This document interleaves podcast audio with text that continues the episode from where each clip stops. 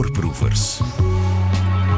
Dit is Voorproevers, de podcast. Ik ben Bent van Looy. Vandaag praat ik met Marianne Justaert en Lise Bonduel over uh, Lacroix, een podcast van de Standaard over het brein achter de bende Hamers. Voorproevers. Ja, de lode jaren 80 zijn weer hip. Op tv loopt de veel, veel geprezen serie 1985. In Thailand werd twee weken geleden Bendel van Nijvel verdachte Beyer opgepakt. En in podcastland is het al Lacroix wat de klok slaat. De lode jaren 80. Hoe ging dat ook alweer? Wachten. Bende van Nijvel, CCC, Van den Boeinans, de Roze Balletten, Stop. Marian Justaert en Lisa Bonduel, podcastmakers. Ben ik nog iemand vergeten? Ja, we zijn eigenlijk met vier. Joris van Damme en Mark Eekhout. Klopt. Wat is er toch aan de hand met die fascinatie voor de jaren tachtig? Ja, goed hè. Wij vinden het natuurlijk fantastisch, maar het is eigenlijk toeval dat het nu samenkomt. Hè? Want je noemde 1985, mm dat uh, grenst natuurlijk met de realiteit. Maar eigenlijk is het fictie, of grenst aan de realiteit. Ja, maar goed, je hebt ook Stranger Things, je hebt, ah, ja, de bende van Nijvel, je hebt uh, de bende Hamers, alle soort dingen die toch allemaal terugkomen boven bubbelen. En wel na de Zillion in de jaren 90 is nu aan de jaren 80. ik was kind in de jaren 80 en het was ook een hele fascinerende tijd. Hè? Ja, ja, want waarom wilden jullie precies nu het verhaal van uh, Philippe Lacroix vertellen? We hebben eigenlijk uh, het geluk gehad, of ja, een collega van ons, Mark Eekhout, de misdaadreporter, die heeft eigenlijk uh, dat idee gegeven of die, uh, die heeft ons betrokken bij het feit, die kende hem al als gangster. En hij had zoiets van, die springt er voor mij wel uit. In die zin dat hij niet de klassieke gangster is zoals dat je u misschien inbeeldt. En uh, wij wilden graag een true crime reeks maken. En dan heeft hij ons eigenlijk gevraagd van... Kom, gaan we dat niet gewoon doen? Ja. ja maar de timing is toeval. Oké. Uh, nu, heel even voor iedereen uh, die het een klein beetje vergeten is. Een, een korte spoedcursus Lacroix. We gaan er straks dieper op in, maar gewoon even de, de feiten. Waarom, waarom hebben jullie het daarover? Alright, dus de jaren tachtig ja, werden gedomineerd door heel veel aanslagen en schietpartijen. De bende van Nijvel, de CCC, maar dus ook de bende Hamers, genoemd naar Patrick Hamers, die iedereen waarschijnlijk wel uh, kent van zien, of zijn uh, beeltenis, van de grote blonde glamour gangster. En dus in die bende zaten, zat ook Philippe Lacroix. In de eerste bende was dat met drie Thierry Smars. En dan is daar Basri Bashrami bijgekomen toen Smars dood was. Je had daar dan ook nog wel wat andere handlangers, maar dat was zo de kern. En Philippe Lacroix is altijd het brein van de bende genoemd door de speurders. Uh, ook al is die bende naar Hamers genoemd. Maar zij pleegden dus vooral overvallen. Ze zijn begonnen met overvallen op postkantoren, dan op geldtransporten, mm want daar viel natuurlijk uh, veel te rapen in die camionetten.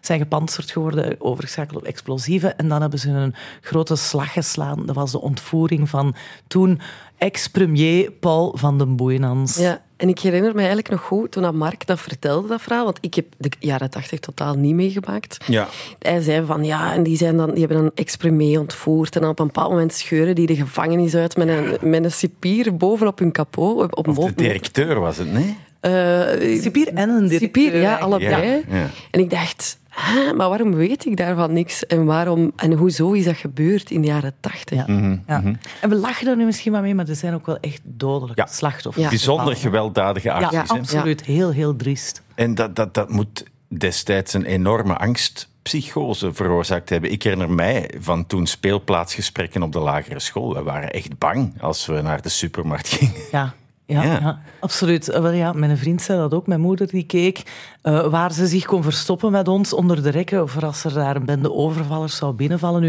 het verschil is dat de bende van Nijvel inderdaad willekeurige burgerslachtoffers uh, maakte, omdat zij supermarkten als uh, doelwit hadden. En die bende Hamers zich wel altijd, of voornamelijk geconcentreerd heeft op die geldtransporten. Dus voor hen was eigenlijk vooral het beroep van geldkoerier, dat was heel gevaarlijk. Mhm. Misschien moeten we toch eens kijken van Lacroix, het brein van een heel gewelddadige bende. Hoe wordt zo iemand ja, dat is een, een, gangster? Dat is een goede vraag. Dat is ook wat wij eh, doorheen dat proces dat ons aansprak van meer dan dat gangsterverhaal, hoe, zo de psychologische laag van hoe worden iemand, allee, wie dat hij nu geworden is, uh, zit dat in hun jeugd? Zo die nature-nurture discussie. Daar gaan jullie dan onmiddellijk naartoe in de podcast. Ja. Uh, um, hoe, hoe groeide die op? Wat voor kind was Philippe Lacroix? Eigenlijk had hij tot op een bepaald punt, ik denk tot zijn dertien misschien, wel een heel onbezorgde jeugd. Totdat dus, maar zonder te veel te verklappen, want dat vertellen we dan allemaal in aflevering 1. Uh, maar dus op een bepaald moment vertelt hij ook zo, ja, ik was dan 13 en dan heb ik een, uh, dan is hij echt een, ja, een, een huis ben binnengevallen om zakgeld mm -hmm. te, ja. te, gaan halen. Ja. Zijn moeder uh, beschrijft hij als een montagne Rus. Uh, ja. Echt een uitdrukking vond ik heel mooi. Dat betekent een, een, een achtbaan, een rollercoaster. Ja, iemand met hoge hoogtes, ja, ja. diepe dalen. ja. ja. En, en ja, dat heeft hem natuurlijk ergens getekend. Maar het is een, het is, het is een sleutelmoment uh, later in zijn leven, toen hij net ja. in de puberteit ging. Zijn vader trekt voor zijn werk naar Italië, neemt de puberende Philippe mee. Ja. En, en, en daar gaat het mis. Hè? Daar komt dan voor het eerst ook die factor geweld in zijn leven en dan bij ons ook in de podcast. En dat is ja, hij zegt dat niet voor niks natuurlijk. Hij vertelt dat niet voor niks. Uh, maar dat zal dan heel lang ook zijn leven bepalen. Geweld, de vader is gewelddadig. En um, op een gegeven moment krijgen ze ruzie. En de vader klopt met een stok op zijn hoofd en, en, raakt daarbij zijn oog, alles gebroken. En eigenlijk tot op vandaag heeft hij daar permanente schade uh, aan. Hij kan eigenlijk niet goed zien door één oog. Maar ja, hoe, um, ja, hij vertelt eigenlijk hoe dat bijna wordt doorgegeven van vader op zoon, dat geweld. Hij ziet dat thuis, hij besluit daar van ik ga me nooit meer laten doen. Ik word mm. zelf dan ook gewelddadig, vechtpartijen. En zo mm. rolt het zich af en je, je ziet, of je hoort bijna, um, die sneeuwbal verder en verder ja. rollen. Zo. Van het een in het ander en dan steeds een stapje verder. Ja. Uh, en dan de pak slaag als de origin story van de gangster. Hij zegt zelf ook, ik, ik had als kind, als, als puber, behoefte aan grenzen. Grenzen die een ja. vader zou moeten stellen. Ja. En je ziet ook op dit moment, allez, als we dan binnengaan in zijn huis, heel dat huis is zo opgedeeld met briefjes en met heel uh, ja, gestructureerd, clean bijna. En dan zie je daarin ook wel die structuur die hem duidelijk toen niet had, uh, terugkomen in waarschijnlijk dat hij daar nu wel uh, heel veel nood aan heeft en dat ook effectief waar heeft gemaakt. Mm -hmm. Zo'n slechte jeugd, dat wordt er al snel bijgehaald als een soort van excuus. Ja. Hè? Ja, daarom denk ik ook dat we met een criminologe hebben gepraat, Olga Petinseva, om toch eens af te toetsen zo van uh, hoe zit dat nu juist? Is dat effectief um, waar? Ja. ja, want zij is een narratieve criminologe. Ja, ja dat was, wij hadden er ook nog nooit van gehoord. Bent. Een, ja, een nieuwe, relatief nieuwe stroming binnen de criminologie, maar die echt wel uh, super uh, toepasselijk was voor ons verhaal. Want zij kijken ook naar verhalen die mensen aanzetten tot criminele daden, maar ook welke verhalen mensen weerhouden om uh, ja, strafbare feiten te plegen. Of welke verhalen mensen achteraf gebruiken om hun crimineel leven te legitimeren. Gelijk hij ook, hij voert die ontwrichte jeugd ook wel echt op, omdat dat voor hem een basis heeft gelegd die uh, veel dingen verklaart van ja, hoe het later dan gegaan is. En misschien vergoeilijkt. Voilà. En tegelijkertijd kun je ook, zeggen, ja, ja, niet iedereen die een slechte jeugd heeft, wordt crimineel. Hè? Of het is niet omdat je een ontwrichte jeugd hebt. Er zijn nog mensen wiens ouders uiteen zijn gegaan in een vechtscheiding, of die kletsen hebben gekregen thuis, of mm -hmm. die vroeger gepikt hebben. Ja. Wij doen daar dan ook wat ontboezemingen. Ja, dat heeft Marianne ook verteld. In de podcast. En die maar, geen geldtransporten hebben opgeblazen. Voilà. Ja. ja. Dus in welke mate? En daar zijn we bij haar gaan aankloppen van, uh, ben je nu crimineel?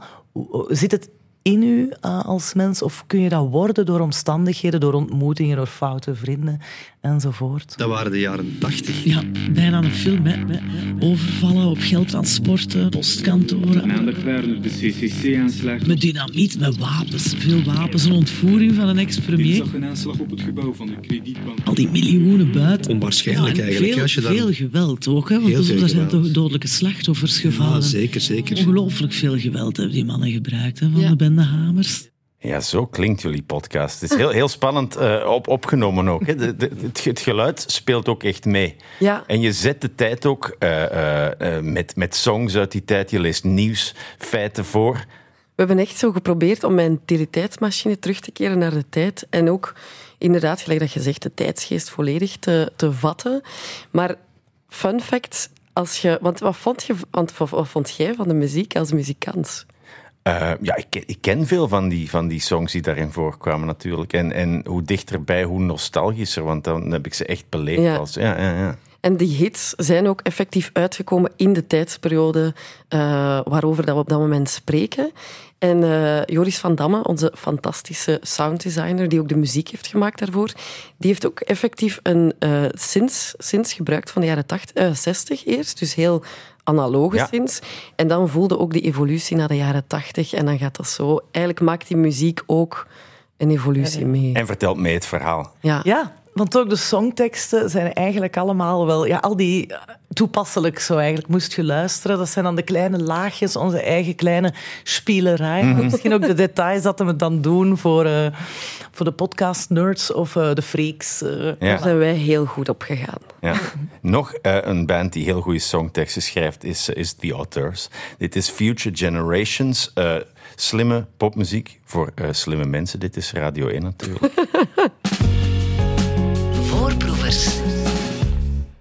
Ja, ik was de afgelopen week gekluisterd aan mijn oortjes, want wat is die Lacroix-podcast van de Standaard spannend. Lise Bonduel, Marian Mutsart, makers van die podcast, zitten nog steeds bij mij. Lise, Marian, eh, we gaan heel even luisteren naar het allerbegin van de podcast. We zijn in Brussel, in een rustige residentiële wijk. Dus nu naar rechts en dan links en dan zijn we er. Oké, maar jij zegt dan moeten lopen. Ja, maar... Altijd rechtdoor, hè? We zijn op zoek naar het huis van Philippe Lacroix. Hier is het. Een oud herenhuis. Denk het wel, toch? Als we nu ergens anders gaan bellen. Gele baksteen, een uitstekend raam en zo'n afdakje boven de voordeur.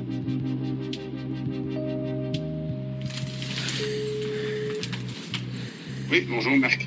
Dag Filip, wij staan voor de deur. Ah daar ben ik. Oké, tot straks. Tot zo. Daar ben ik. Ja, en dan komt hij open doen en gaan jullie de trap op.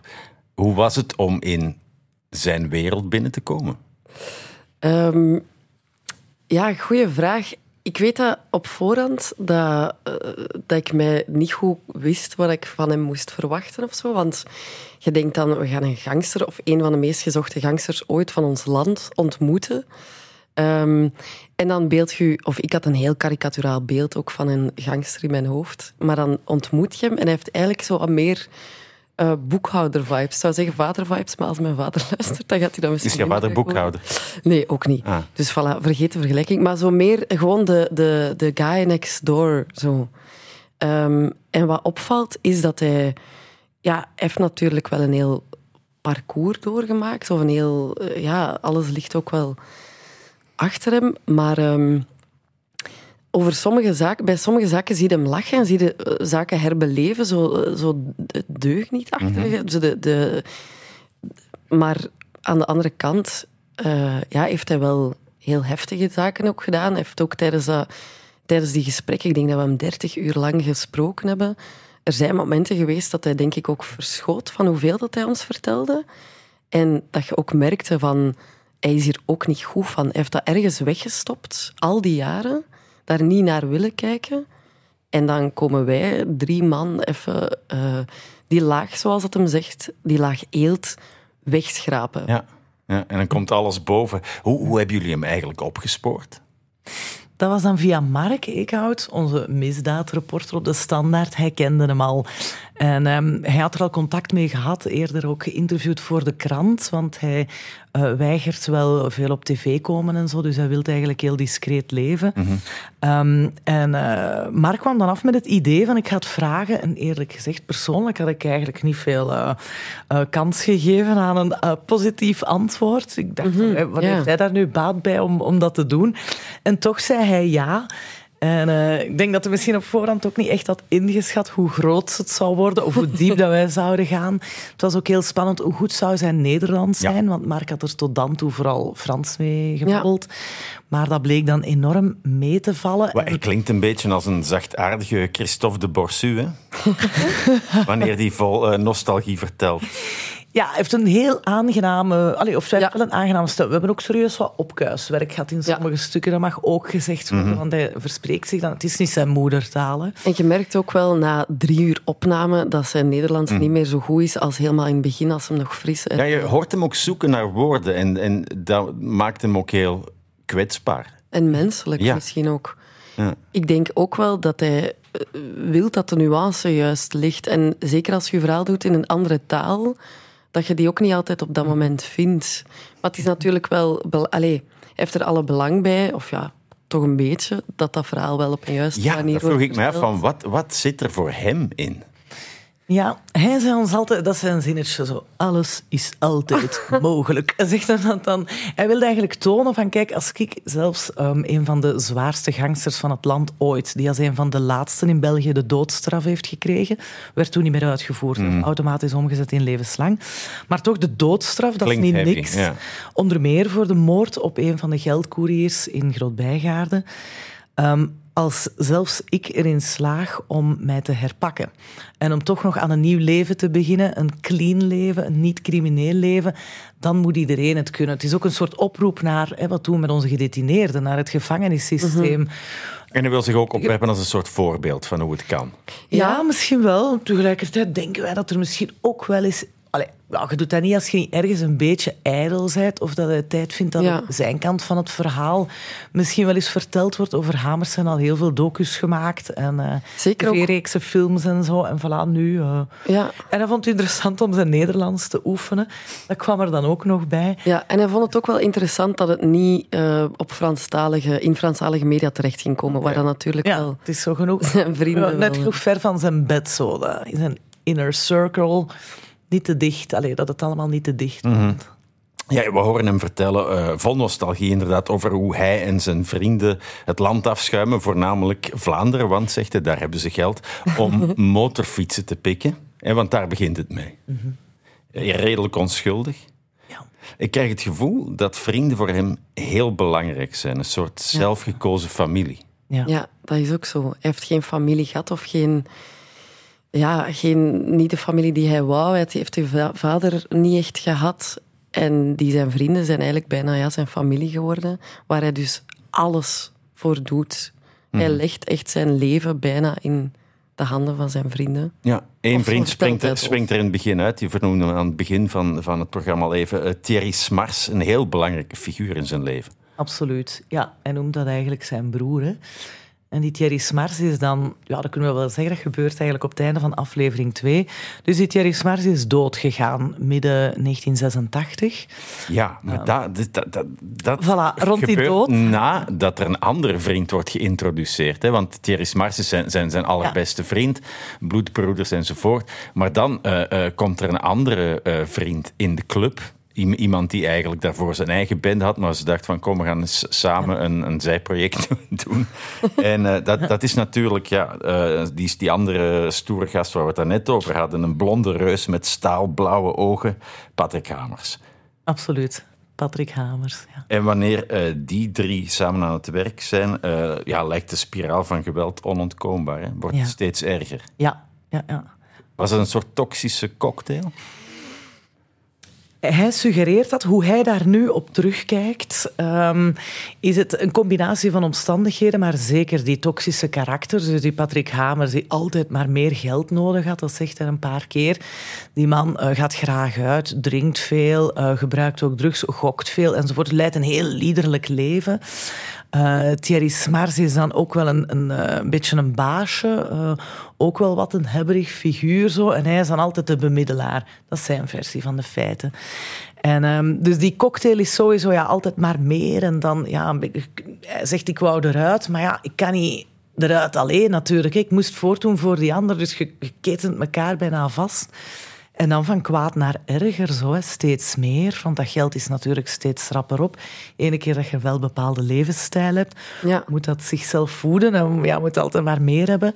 En dan worden die eh, geldtransporten op een gegeven moment gepantserd, schakelen ze over op explosieven enzovoort. Dus het is ehm, ook niet allemaal met voorbedachte raad. Het is zo, ja, je kunt niet terug ook. Je bent daarmee bezig. Ze beschouwen dat een beetje als hun beroep. Ja. Maar ze hebben ook altijd maar meer nodig. En dan in eh, Verviers is het een eerste keer helemaal fout gelopen. Daar zijn twee jonge postbeambten eigenlijk gestorven. Een vrouw met, eh, die zwanger was van haar Ja. derde kindje. En ook nog eh, een andere jonge man.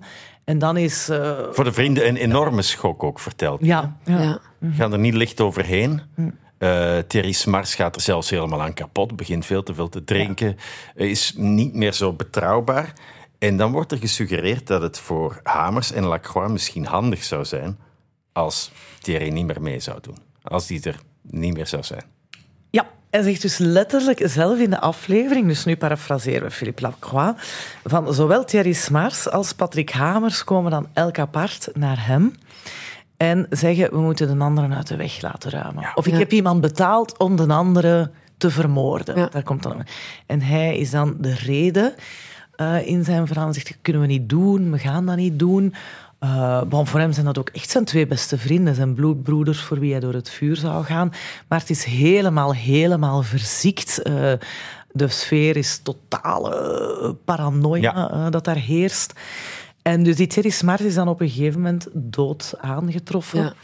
En eh, toen is er officieel vastgesteld dat het zelfmoord is. En dat is naderhand in twijfel getrokken. Ja. we horen een politieinspecteur die daarbij betrokken was zelfs zeggen van er zijn een aantal dingen die echt niet kloppen hier. Dus er, zijn, ja, er is een piste van, dat is geen zelfmoord, dat is moord. Onder meer het ontbreken van kruidsporen op de hand van Thierry Smars en zo. Allee, zo komen ze met een aantal eh, bewijsstukken af. Ehm, dat is woord tegen woord, versie A tegen versie B. En ehm, ja, enfin, dat is iets dat als, als, er, als het moord zou zijn, zijn de twee meest evidente eh, verdachten Philippe Lacroix en Patrick Hamers. Patrick Hamers is intussen zelf dood, dus de enige die nog leeft is Philippe Lacroix. Als het zo is, zal hij het ons eh, niet zeggen. Nu, wat hij zegt is natuurlijk, ik heb dat niet gedaan. Ik weet dat er mensen zijn die altijd hebben geloofd, maar ik kan maar dat zeggen en dat zeggen en dat zeggen. Ik zou Thierry Smars nooit vermoord hebben. En het interessante is eigenlijk, en dan stop ik, dat er luisteraars zijn die na die aflevering 2 gehoord hebben, rotsvast van overtuigd zijn van die Philippe Lacroix. Dat kan niet anders dan dat hij de waarheid spreekt. Die heeft zijn beste vriend niet vermoord. Ik geloof hem. En er zijn ook echt luisteraars die vinden, sorry, ik vind het echt allemaal niet geloofwaardig. Ik, eh, ik denk eh, dat hij weer zijn eigen in, eh, erbij aan het lappen is. En dat het nu wel duidelijk is dat hij daarvoor iets tussen zit. Ja, dit is eigenlijk het moment waar jullie de luisteraar ook achterlaten. Hè? In, Een Ja. beetje in, in verwarring van, eh, eh, ja, wat is er nu precies gebeurd? Eh, aflevering 3 is, is, is alles wat er tot nog toe te beluisteren is. Ik denk volgende week komt aflevering 4. Ja, dus maar die grote claim to fame, de ontvoering van Paul van den Boeinans, dat moet dus allemaal nog komen. Hè? Ja, Yes. Ja. aflevering 5, binnen twee weken. Oh ja, oké, oké. En daar komt echt alles van het België van de jaren tachtig samen. Het politiek, de Brusselse onderwereld, gangsterisme. Ja. Ja, ja eh, ongeveer, ja. Wij gaan niet zo heel diep in in die Brusselse onderwereld, omdat het is en blijft Philippe Lacroix, zijn Ja. verhaal. En dus rond die ontvoering van Van den Boeinans doen ook heel de theorieën de ronde over. Er is er ook een piste dat die ehm, besteld zou zijn of zo. Eh, of dat Van den Boeinans dat zelf in scène heeft gezet. Want waarom zou dat interessant geweest zijn voor hem? Wat, wat, wat is die theorie? Waarom, waarom zou het voor Van den Boeinans interessant geweest zijn om ontvoerd te worden? Dat, is vol- dat heeft volgens mij toch alles met geld te maken. En, eh, Ah, ja, zo. Een aantal eh, fishy relaties van de Boeinans, daar valt ook nog wel een heel eigen podcastreeks over te maken. Ja, iets wat ook steeds terugkomt in, in, in de podcast is, is ja, het feit dat ze de politie en de Rijkswacht steeds eh, te slim af zijn. En het was ook zo'n andere tijd, hè, omdat de Rijkswacht en de politie twee totaal aparte diensten waren, die ook niet zo heel graag samenwerkten. Kunnen jullie dat klimaat schetsen? Zal ik dat doen? Ja, Ja. ik was ook nog klein. Jij, jij waart erbij, denk ik. Bon, eh, ik heb het iets later meegemaakt, maar toch ook nog voor de zaak. Dus ja, in de- na de zaak Dutroux is de politie één gemaakt, de politie en Rijksmacht. Maar daarvoor, ja, elke misdaadreporter. En bij ons in de podcast komt onder meer Els Kleemput voor, die met haar toenmalige partner Alain Guillaume echt al die zaken heeft gevolgd in de jaren tachtig en de vroege jaren negentig. Ja, dat was echt... eh, je moet je dat ook inbeelden. Geen internet, geen gsm's, geen social media enzovoort. En dat was echt ieder op zijn eiland. De rechercheur die wij spraken, het ex-BOB'er, dus BOB van de Rijkswacht, echt ieder zijn hofje. En eh, de zaak van Hamer, of de bende Hamers, komt toevallig in Leuven bij de BOB terecht, omdat, daar, omdat ze hem daar hebben bevrijd uit een celwagen. En eigenlijk is op dat moment al wat informatie verzameld in Brussel bij de gerechtelijke politie, de 23e brigade. En in het begin werken die echt niet samen, omdat er een soort rivaliteit is. Eh, ze willen het natuurlijk allebei goed doen. Els Kleemput vertelt in die podcast hoe de pers daar dan natuurlijk ten volle van profiteert. En pas als ze dan de krachten bundelen en een cel gamma oprichten over de politiediensten heen, dan komt er schot in de zaak en dan voelt oké, okay, zit op de piste en we duiden, of ze vertellen ook waar dan de puzzelstukken in elkaar Mhm. klikken. Ja, die twee vrienden eh, eh, waren, eh, eigenlijk kwamen die uit goede milieus. Hè. Als we het hebben over Hamers, over Lacroix ook. Hamers met name was echt zelfs rijk. Ja, ja. Die was gewend aan geld. Ja, de visa papa, die ook uh, alle zaken van zijn pa ineens op zijn naam heeft staan. En uh, ja, bijna zwaait met geld in eender welke club. Had ook zelfs een club in Brussel. Ja, ja. de... De happy, few, de happy, happy Few, de, happy de Louise ja. En dan ook nog The First en zo verder. Ja. En dan die Montex sportwinkels. Ik kreeg een sms van een vriend. Oh, ik ben vroeger nog uh, veel naar de Montex sport geweest ah, in een tijd. Kijk eens aan. Ja, um, nu, uh, geld, dat was hun, hun, hun drijfveer. Ze wilden ja. geen chaos zaaien. Ze, waar, daar waren ze niet op uit, maar wel gewoon zoveel mogelijk geld verdienen. Want wie inderdaad uh, veel geld heeft, kan niet zomaar een stapje terugzetten in levensstijl. Dus dat escaleerde. Nee, maar hoe dat Philippe Lacroix dan uh, zegt, is... We vragen hem ook, wat doet je dan met al dat geld? En dan zegt hij, ik spaarde. En ja. dat, dat is zo het, het, para, allee, de, de, allee, het ironische van... Uh, Oké, okay, hij, hij, spaarde gewoon zoals een normale burger. Met geld ja. dat hij dan stal van banken. De verstandige gangster. Ja. ja. Um, ja, over geld gesproken. Ze kregen uh, uh, 63 miljoen frank, dat is anderhalf miljoen euro voor de vrijlating van Van den Boeinans. Ja. En vluchten dan met al die geldkoffers naar Rio de Janeiro om een lekker leventje te leiden. Hè? Ja, dat is de bedoeling. Hè? Hoewel een leven op de vlucht toch ook niet zo idyllisch is, dat, dat merken ze dan snel. Ze weten dat ook wel. En eigenlijk staan ze al op de radar zo van uh, een dik jaar tevoren. Uh, dus ze zijn eigenlijk al op de vlucht en uh, ze moeten onderduiken en valse paspoorten. En hij beschrijft hoe ze soms letterlijk echt met tien verschillende aliasen uh, reizen. Dus en zo relaxed is het niet. Brillen. Op dat moment al niet meer. Maar voilà, ze hebben dan 63 miljoen. Ze verdelen dat onder de vier die er op dat moment bij waren, plus een bevriende advocaat. Die vier krijgen elk 15 miljoen Belgische frank en die advocaat krijgt drie, want die heeft de naam aangebracht. En, um, en dan gaan ze dus uh, ja, op de vlucht, maar het duurt niet lang, want eigenlijk ja, nauwelijks drie, vier maanden later worden Patrick Hamers en dan zijn vrouw Denise Stiak met nog zo'n handlangerke, een beetje een meeloper, Axel Zijen, die worden dan uh, opgepakt in Rio de Janeiro. En daar zijn zo die iconische foto's, zegt u dat niks bent? Zo, met, zo Bonnie en Clyde. Bonnie, ja, Bonnie en Clyde van Brussel, ja.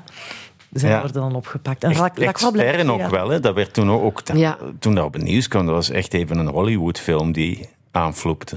Ja, dat heeft ook, heel het verhaal heeft ook allerlei elementen die het een heel spannend Hollywoodiaans actieverhaal maken bijna. Maar uh, tijdens het monteren moesten we ook wel vaak beseffen van dit is niet zomaar zo'n ja. Hollywood-verhaal, het is echt gebeurd, ja. met zelfs een heel pijnlijke ondertoon ook mm-hmm. met de slachtoffers. Nu, Hamers wordt ja. gepakt uh, en noemt op televisie voor de camera de namen van zijn bendegenoten. Ja. Dat mm-hmm. moet uh, gepikt hebben. Dat was het verraad, hè? het verraad van zijn beste vriend. En dan voelde zo dat, ja, dat besef incijpelt bij Lacroix, maar dan ook uh, bij de luisteraar. Dat is toch een beetje onze bedoeling, dat je dan zo door hebt van wow. Allee, uh. Dat is een heavy ding, ja, zeker. Ja. zeker. Uh, nu, Lacroix weet de speurders geloof ik twee jaar lang nog te slim af te zijn. Mm-hmm. Hoe, hoe, hoe vergaat het hem? Uh, als Hamers gepakt wordt, vlucht hij hals over kop. Er is dan nog ene maat bij, Mark van Dam. Vlucht hij naar Colombia. Colombia. Uh, dat, is, dat, is, bij ons al aflevering 6. Ja, daar ben ik ja, nu op dit moment even. aan het monteren. oh, okay. en daar wachten, dat mag ik misschien al ja. zeggen, op een uh, plastische chirurg die zijn oh. gezicht gaat veranderen. Maar die komt niet. Hij ziet er nog altijd ja, uit. Dat, dat, dat, dacht ik ook. Dus, uh, ja. Of is heel subtiele ingreep. hij is net op tijd gepakt en ik denk dat hij nu wel heel dankbaar is dat dat nieuwe gezicht er niet gekomen is. Ongelooflijk. Um, nu, uh, 91 loopt hij toch tegen de lamp. Ja. ja. In Colombia ja, pakken ze hem dan toch op. Um, ja, leggen alles samen. Ondertussen zitten ze ook wel al een tijdje op de hielen. En dan zijn het natuurlijk geldtransfers, ook via zijn dochter eigenlijk. En dan pakken ze hem op. Hij wordt naar België gebracht. En daar dan uh, opgesloten. Hij heeft in, in totaal in een zevental gevangenissen gezeten. Hij heeft bijna veertien jaar in de gevangenis gezeten. En uh, van in het begin heeft hij zoiets, ik kan hier niet blijven. Dus zijn hoofd staat alleen maar op ontsnappen, ontsnappen, ontsnappen. En dan inderdaad op in mei 93. Nog beelden hè, die echt op ons netvlies ja, gebrand zijn. ja, ja, ja. de ontsnapping van de eeuw. Ook extreem gewelddadig, hè, want die mannen waren tot de tanden toe dan bewapend, granaten, uh, gijzelen, een cipier op de vooruit van die vluchtwagen. En de directeur op de, de motorkap of zo? Nee, de directeur zat van achter ah, en een cipier op de motorkap. Als levensschild. Ja. En zo rijden ze weg uh, uit de gevangenis van Sint-Gilles. En dat ja, nog altijd wel uh, in het collectieve geheugen gegrift. En uh, soms ook die ontvoeringen en zo sommige dingen rond die ben, bende Hamers zijn zo door de jaren heen bijna een Belgemop geworden. Hè? Mm -hmm. ja. Zo van wow, wow. Of Hollywoodiaans, of voor met te lachen. Like de ontvoering van VDB. Hij was dan natuurlijk zelf ook de clown aan het uit mm -hmm. op de persconferentie. Maar dat, ja dat moeten we toch zeggen. Hè. We hebben ons daar echt altijd voor gehoed. Ja. Um, of, of dat in het achterhoofd gehouden van we zijn hier met echte feiten bezig. Er zijn dodelijke slachtoffers gevallen. Ja. Um, we willen hem ook niet romantiseren. We zijn er geen cowboy-verhaal aan het maken, geen fictie aan het maken. En um, daarmee... Nee, maar het verhaal is, is beter dan fictie, zou je kunnen zeggen. Niemand gelooft toch dat hij dan inderdaad nog eens ontsnapt na ja. zo'n zo'n waanzinnig uh, uh, leven. Nu, hij wordt dan wel weer opgepakt. Mm -hmm. Komt vervroegd vrij. Uh, ja, dus eerst wordt hem nog veroordeeld tussendoor. Hè. Krijgt hij de doodstraf. Ja, ja. ja. ja. en dan uh, komt hij inderdaad vervroegd vrij met voorwaarden. Wegens goed gedrag? Ja, dat speelt dan sowieso wel mee. Want als je geen goed gedrag hebt, denk ik dat je eigenlijk uh, nou, bijna geen vervroegde vrijlating zullen toestaan of voorwaardelijke vrijstelling. Uh, hij was op dat moment aan het studeren. Vroeger was het zo dat je, als je de doodstraf kreeg of levenslang al na tien jaar kon vrijkomen. Intussen is dat wel wat opgetrokken. En hij is dan beginnen aanvragen in te dienen. Eerst niet, niet, niet. En dan uh, ja, via advocaten dan op een gegeven moment toch eens kunnen uh, doorbreken door dat systeem. Zijn verhaal doen, een tegenexpertise enzovoort. Ja, ondertussen studeerde hij ijverig ook hè, in de gevangenis. Mm -hmm. Heeft daar hij vertelt ook uh, turnoefeningen gedaan, maar ook, uh, ja, ook, ook echt, echt goed gestudeerd. Ja, absoluut. Hij was turnleraar zelfs in een bepaalde gevangenis. Ja, ja juist. En is nu ook leraar in het dagelijks leven. Ja, ja, ja maf, hè? Ja. Hij is leerkracht Nederlands en Engels. In het avondonderwijs? In het uh, dagonderwijs ook, ah, maar aan ja. volwassenen. Ja, ja, oké, oké, oké. Ehm, nu, hebben jullie het met hem over vroeging gehad? Over spijt? In de aflevering die nu, dus zaterdag komt, is het eigenlijk een heel, heel de aflevering lang is gewijd aan uh, schuld en boete. We praten met de tweelingsbroer van het slachtoffer, die gevallen is in Groot-Bijgaarden. Um, en we laten dus ook Lacroix aan het woord. En ik moet zeggen, tij tijdens het monteren van die aflevering, dat, is een heel, dat komt wel echt binnen. Ik ben een paar keer echt moeten gaan wandelen om mm -hmm. dat dat... Maar... Um, ja, ik kan wel zeggen eigenlijk dat, dat, ja, dat hij dus wel vroeging heeft. Ik mag dat wel zeggen, denk ik. Ja, wel. ja, ja, ja, ja, absoluut. En heb je het gevoel dat hij daaronder gebukt gaat of dat, of dat hij dat toch een plaats kan geven? Hij heeft dat ook, nu de feiten zijn al bijna 30 jaar of langer geleden, dus intussen heeft hij dat natuurlijk wel een plaats gegeven, moeten geven ook, de, uh, om verder te kunnen, dat zegt hij ook. Ik kan anders ook niet verder met mijn leven. Hmm. Um, maar je ziet wel dat hij het ergens heeft weggestopt, heel ver weg, daar nooit over gepraat. Ook met de bendeleden is daar nooit over gepraat geweest. En dus, uh, ja, dat zit op een plek waar dat er intussen, zoals dat hij zelf zegt, een laag eelt over is gegroeid. Ja. Nu, ik krijg wel vaak de indruk dat hij precies vertelt wat hij vertellen wil. Hij laat nooit echt het achterste van zijn tong zien. Ja, ja, dat, dat, is inderdaad zo een van de uh, bedenkingen die wij zelf hebben gemaakt, of die luisteraars ons wel eens komen zeggen. En waar we Manipuleert zelf... hij jullie dan niet en zo? Wij hebben wel altijd, we zijn ons daar heel bewust van geweest, dat uh, ieder kiest natuurlijk wat hij vertelt. Als wij op het einde van uw leven vragen bent van, ja, vertel nu eens uw levensverhaal. Ja, uh, dat is nooit van A tot Z, dus je kiest wel een aantal scènes die voor u bepalend geweest zijn, of die u goed uitkomen. Zeker als je een podcast uh, van maakt. Voor de rest, dus in die zin houdt hij de regie. Hij kiest wat hij vertelt, is subjectief, het is zijn versie, zijn waarheid. Dat kan ook niet anders, dat lijkt logisch. Ja. Um, twee, we hebben dan gekozen voor om ook onszelf als makers daarin te monteren bijna, waarin je onze twijfels hoort over zijn verhaal, maar ook over hoe dat we daar nu mee moeten omgaan, hoe we daar objectief in kunnen blijven, om hem toch niet te verheerlijken of te romantiseren. Want krijg, krijgen jullie die kritiek af en toe? Na de eerste aflevering zei er hier en daar iemand van, ja, we vinden toch wel dat je hem wat romantiseert of verheerlijkt. Echt kritiek is er nu. Mensen mogen dat vinden. Dat, dat is niet meer naar wie dan doorluistert naar aflevering 2 en Nee. zo dan niet. Wij vinden ook. ehm, allee, of we hebben dat altijd wel- opengelaten van we gaan dat niet invullen eh, wat mensen van hem moeten denken. En eigenlijk, eh, wat we ook wel belangrijk vinden om te benadrukken, hij is veroordeeld voor zijn daden. Hij heeft zijn straf uitgezeten. Of, allee, eh, hij is vrijgekomen vervroegd natuurlijk, maar hij heeft zijn straf uitgedaan. En voor schadevergoeding betaald aan het slachtoffer. Hij is al langer vrij dan dat hij ook in de gevangenis Ja. heeft gezeten intussen. Hè.